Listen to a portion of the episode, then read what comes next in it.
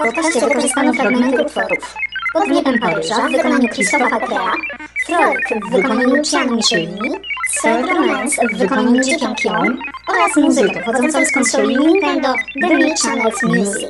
Udostępnienie odbyło się na mocy prawa cytatu, o którym mowa w artykule 29 ustawy o prawie autorskim. Znajdujemy się w wieczerniku, gdzie właśnie ma miejsce najsłynniejsza kolacja w dziejach. Już za chwilę z ust Chrystusa padną te znamienne słowa. Zaprawdę powiadam wam, jeden z was mnie zdradzi. To właśnie one wywołają popłoch wśród zgromadzonych przy stole apostołów. Jak to? Jeden z nas? Ale dzisiaj nie opowiem tej historii. Nie będę też snuć niestworzonych teorii spiskowych rodem z powieści Dana Brauna.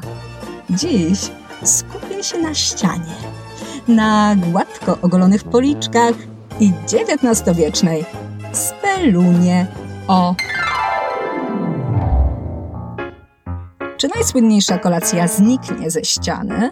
Jak wygląda Chrystus okiem Salvadora Dali? I co ma wspólnego rozgwieżdżone niebo Van Gogha z wieczernikiem? O tym wszystkim opowiem już za moment. Nazywam się Agnieszka Kijas i jestem krytykiem sztuki, a wysłuchacie 50. podcastu z serii Dawno temu w sztuce, czyli wszystko, co chcesz wiedzieć o malarstwie, ale bez nadęcia. Ciemno wszędzie, głucho wszędzie, co nie powinno dziwić, ponieważ oczywiście nagrywam ten podcast siedząc standardowo w mojej szafie i powiem wprost, bardzo, bardzo, bardzo się za tym stęskniłam. Stęskniłam się za tobą, moja droga słuchaczko, i za tobą, mój drogi słuchaczu.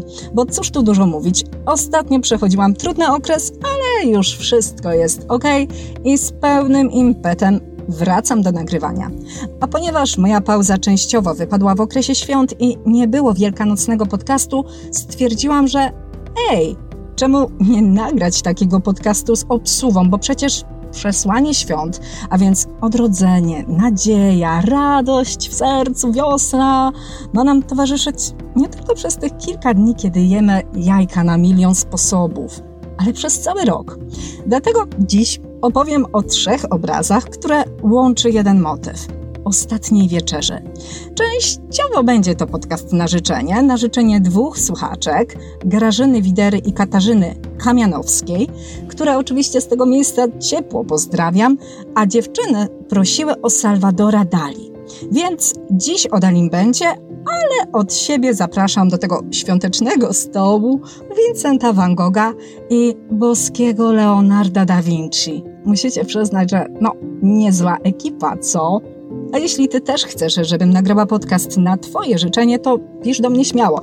Możesz nawet wysłać mi, nie wiem, krótkie audio i kto wie, być może nawet usłyszysz się w moim podcaście. Byłoby fajnie, więc zapraszam, zachęcam.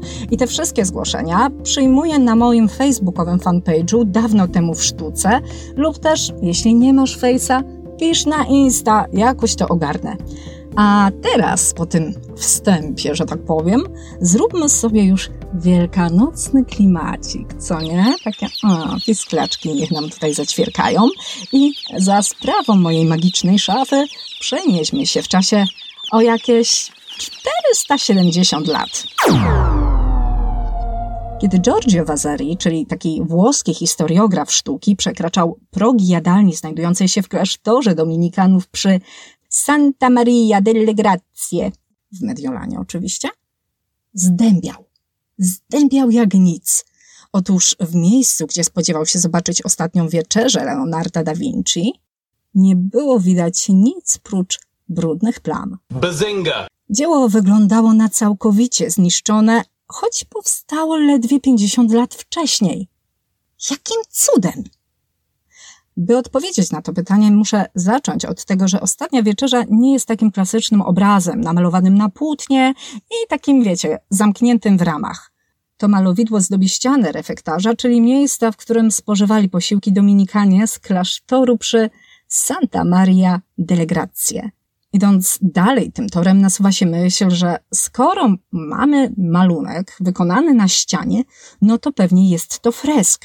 A tutaj figa.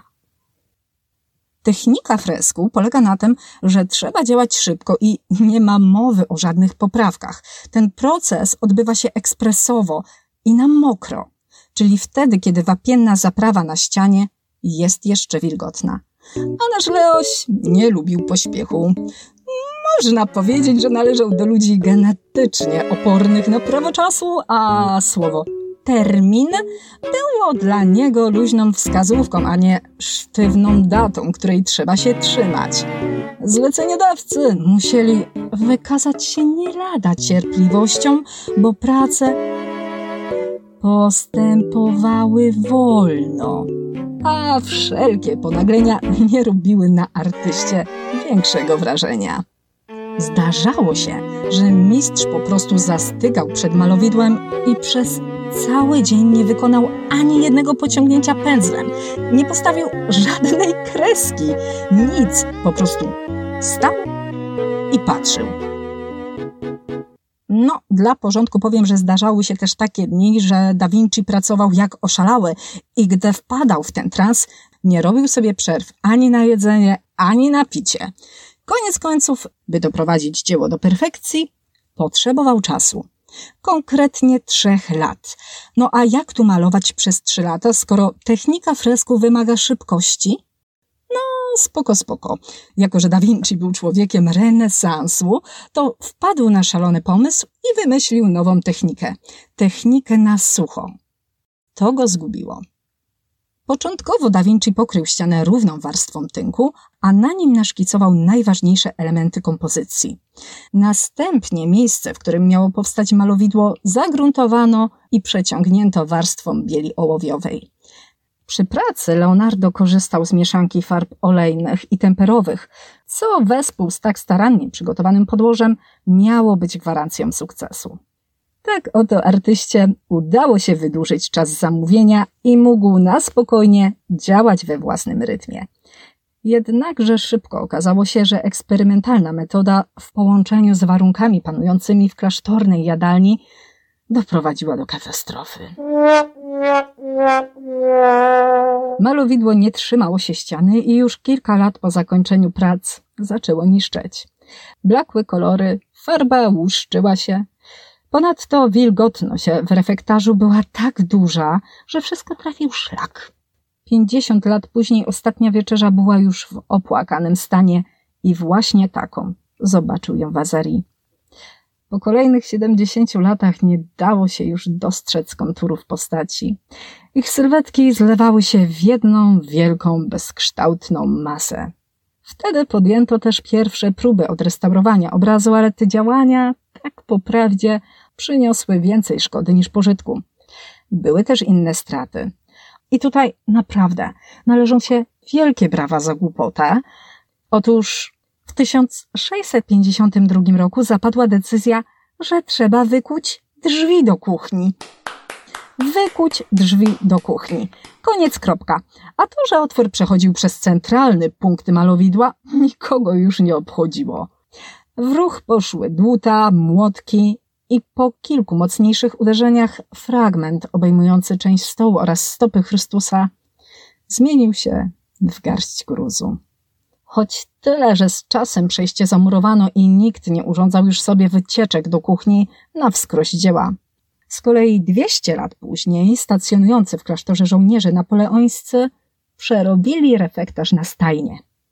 W wolnym czasie strzelali do ściany z ostatnią wieczerzą jak do tarczy. No, to była zabawa. Ale najgorsze i tak miało dopiero nastąpić. W czasie II wojny światowej na kaplicę spadły bomby. Zniszczeniu uległa spora część refektarza. A ściana z malowidłem Da Vinci pozostała nietknięta. Czy ostatnia wieczerza miała więcej szczęścia czy pecha? Trudno powiedzieć. Pewne jest tylko to, że wiele przeszła, a ostatecznie w 1990 roku klamka zapadła i dzieło poddano gruntownej renowacji. Te wszystkie naprawy i konserwacje zajęły fachowcom trzy razy więcej czasu niż mistrz poświęcił na namalowanie dzieła.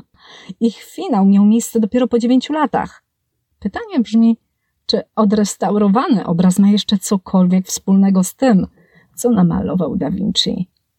Po wielu zabiegach, tych udanych, no i co tu dużo mówić, tych totalnie sknoconych, nie ma już śladu po oryginalnych kolorach, a wiele szczegółów przepadło bezpowrotnie. Na domiar złego, ta perła renesansu jest wciąż obrazem bardzo kruchym i jak straszą konserwatorzy, nadal znika. Być może niebawem będziemy mogli ją podziwiać tylko na milionach reprodukcji. Takie to smutne, prawda? Więc dla równowagi do naszego wieczernika, do naszego świątecznego stołu zapraszam czołowego skandalistę i mistrza surrealizmu, Salvadora Dali. I kiedy pada to imię i to nazwisko, to od razu przed naszymi oczami zaczynają majaczyć płonące żyrafy i kobiety z inwalidzkimi kulami zamiast nóg, czy też po prostu cieknące zegary, które wyglądają w sumie jak stopiony kawałek syra. Bez dwóch zdań Dali potrafił szokować, ale i to już nie jest aż tak oczywiste, spod jego pędzla wyszły dzieła, które znacznie bardziej zbliżają współczesnego odbiorcę do misterium wiary niż nie jeden sakralny obraz. Otóż Dali zainspirował się Da Vinci i również on sięgnął po ten sam motyw ostatniej wieczerzy. Jeżeli zostawicie sobie te dwa obrazy, swoją drogą zamieszczę je też na fejsie i na Insta, zatem nie musicie szperać po necie, bo wszystko znajdziecie u mnie w jednym miejscu. I kiedy je tak zestawicie i porównacie do siebie, to na pierwszy rzut oka wydadzą się one wam podobne. Hey, what happened? Podobny jest temat, kompozycja, rozmieszczenie postaci, a nawet kolorystyka. A jednak wywołują zupełnie inne uczucia. O co chodzi? O emocje. U Da Vinci wśród apostołów panuje zamęt. Właśnie dowiedzieli się, że wśród nich jest zdrajca. A u Dalego wszystko zastygło w bezruchu. I to trzeba powiedzieć wprost. Salvador Dali nie był malarzem religijnym. Jego ojciec, swoją drogą zapalony ateista, przez lata wychowywał syna w przekonaniu, że religia to kobieca domena, a prawdziwi mężczyźni nie zaprzątają sobie głowy takimi bzdurami jak kościół czy wiara. I żebyśmy się dobrze zrozumieli, nie chodzi mi o to, że Dali się nawrócił. Jemu po prostu w pewnym momencie było na rękę przyjść na tę stronę barykady. Otóż po wojnie Salwador chciał wrócić do swojej rodzinnej Hiszpanii, którą wówczas władał Francisco Franco. By tak się stało, musiał ostatecznie odciąć się od swojej dość niechlubnej przeszłości, a przecież powszechnie wiadomym było, że on to tam w swoim życiu, no, niezłe chałupce wywijał. Ba, aby osiągnąć swój cel i przekonać wszystkich, że od teraz będzie podążał ścieżką wiary, Salwador udał się na audiencję do samego papieża. Niemniej katolikiem nigdy nie był. Na ironię to właśnie spod pędzla niewiernego Salwadora wyszła nowoczesna wizja ostatniej wieczerzy, która przemawia do chrześcijan na całym świecie. Po środku oszklonej sali stoi kamienny stół, przy którym zebrało się trzynaście osób. Są to Chrystus i jego apostołowie. Niby wszystko się zgadza, ale już na starcie czujemy, że coś tu jest nie tak. Blond włosy, gładko wygolony zbawiciel wygląda bardziej jak hollywoodzki aktor. To on siedzi po środku stołu i jako jedyne patrzy nam prosto w oczy. Jakby mówił: Tak, widzę cię. Wiem, że tu jesteś. Ubrany jest w szatę, która opada na jedno ramię, odsłaniając muskularny tors, z którego wbrew wszelkim zasadom logiki wypływa rybacka łódź. Pozostali uczestnicy wieczerzy zastygli w bezruchu. Pochylają głowy w cichej modlitwie. A może wcale się nie modlą? Może śpią? Może trwają w przedziwnym letargu, z którego już nigdy nie będzie im dane się obudzić? Tu wszystko dzieje się bowiem na granicy jawy i snu. Nawet okienne framugi zdają się rozpływać, rozmazywać, tracąc swoją materię i kształt. Kontur tego, co rzeczywiste, a tego, co wyobrażone, zaciera się. Bo jakaż to wieczerza, skoro na stole leży jedynie przełamany na pół bochen chleba.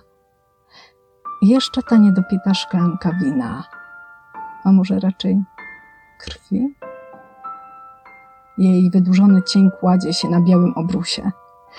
Hen tam w tle, za plecami Chrystusa, rozpościera się wymarły nadmorski krajobraz. Nad całą sceną, gdzieś ponad głowami zebranych, zawisnął nagi tors, wznoszący się w powietrzu półprzezroczysty tłów z rozpostartymi ramionami. Zapowiedź przyszłej męki na krzyżu? A może? A może już wszystko się stało? Może pędzel dotknął płótna, gwóźdź rozerwał tkankę. Życie pokonało śmierć.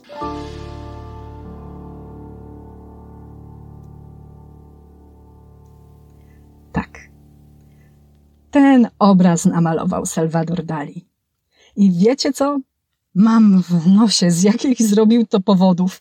Ważne, że mu się udało. Udało się i to bardzo. W końcu, jak sam często podkreślał, był geniuszem. A teraz po tych dwóch obfitych wieczerzach przyszła pora na ostatni smaczek, taki wręcz deserek. A deserek, jak wiadomo, najlepiej smakuje na tarasie.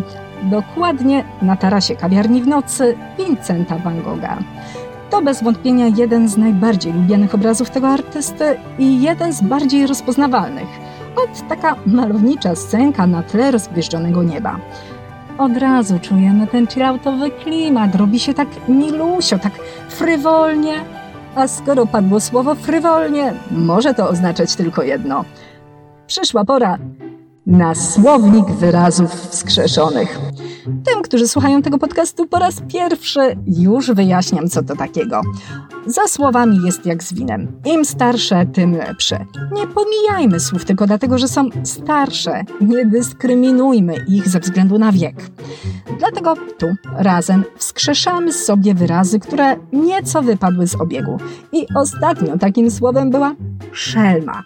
To słowo padło w stosunku do Amedeo Modiglianiego, o którym opowiadałam Wam w 48 odcinku podcastu. Jeśli jeszcze nie słuchaliście, to odsyłam, bo właściwie wszedł fajny odcinek. W każdym razie zapytałam Was wtedy, jak inaczej można nazwać Modiglianiego i w odpowiedzi posypały się takie słowa. Uwaga! Utracjusz, drapi chrust, niezłe ziółko i oczaj dusza. Te wszystkie wyrazy zamieściłam już w poście na Insta i na FB, gdzie Was oczywiście serdecznie odsyłam. Możecie też w komentarzach wpisywać swoje propozycje. Jeżeli kogoś pominęłam, to przepraszam. No, ten ostatni czas był dla mnie naprawdę trudny i ciężko mi się było przez media społecznościowe przebić, dlatego śmiało dopisujcie się w komentarzach. A dzisiaj wskrzesimy sobie nowe słowo i tym słowem jest Frywolny. Zatem jeśli macie jakieś inne pomysły na frywolność, to piszcie śmiało na Messengera. Tymczasem my przenosimy się na francuską uliczkę, którą z dwóch stron otaczają rzędy uśpionych kamienic. Do fasady jednej z nich przylega kawiarnia. Pomiędzy ustawionymi na tarasie stolikami uwijają się kelnerzy. Goście coś popijają, coś podgadają i zupełnie nie zdają sobie sprawy z tego, że tuż nad ich głowami rozgrywa się fantastyczne, kosmiczne widowisko, usiane gwiazdami niebo, które dosłownie zapiera dech w piersiach, aż chce się krzyknąć: Matko, jak tu pięknie! Wow! Doprawdy? Zadam Ci jedno pytanie. Zastanów się przez chwilę, ok? Kto u schyłku XIX wieku zapuszczał się nocami na francuskie ulice? Mhm. Burżuazja? Eleganckie damy i dżentelmeni? A, no właśnie. Rzecz dzieje się w szemranym lokalu, który za czasów Vincenta van Gogha dawał schronienie zapieczonym szumowinom i typom spod ciemnej gwiazdy. Kiedy już to wiemy, tym bardziej szokujące wydaje się stwierdzenie, że właśnie na tym obrazie Vincent przemycił ukrytą aluzję do ostatniej wieczerzy Leonarda da Vinci.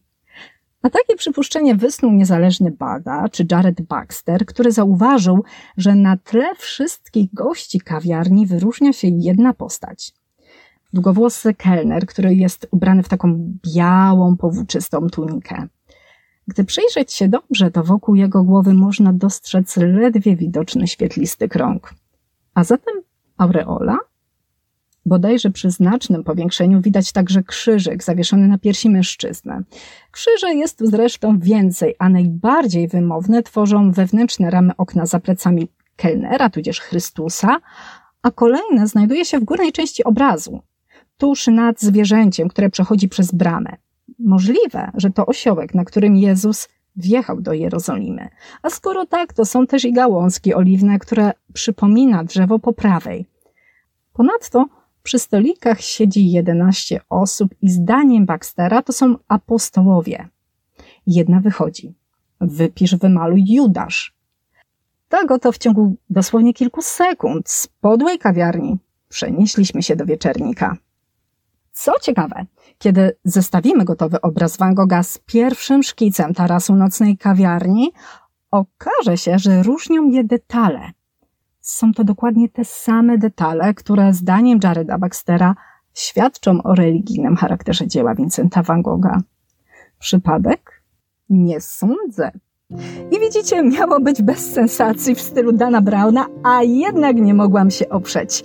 Tak jak wspomniałam, te wszystkie obrazy, o których dzisiaj Wam opowiadałam, możecie sobie spokojnie przeglądnąć na moim fanpage'u dawno temu w sztuce, a także później pewnie będzie to też na Instagramie. Ale nie tylko, bo możecie jeszcze zrobić coś dodatkowego.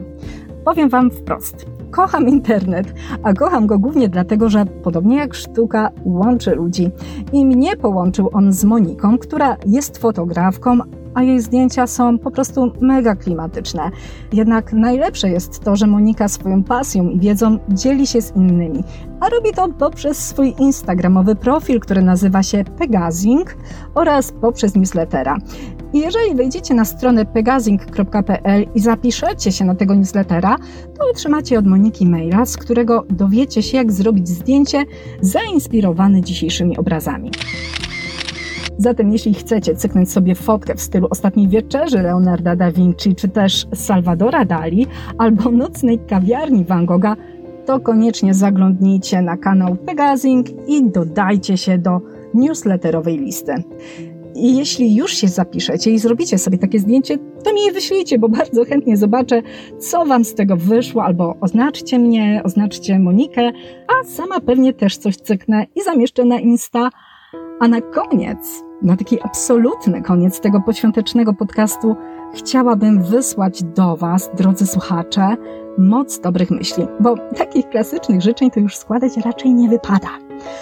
Ale, droga słuchaczko i drogi słuchaczu, kiedy będziesz sobie jeść jajeczko i takie pierwsze jajeczko po wysłuchaniu tego podcastu, zresztą bez względu na to, czy będzie to jajko na miękko, na twardo, jajko sadzone, czy też po prostu omlet, to pomyśl sobie, że gdzieś tam w tyskiej szafie siedzi dziewczyna, która wysyła do ciebie strumień ciepła.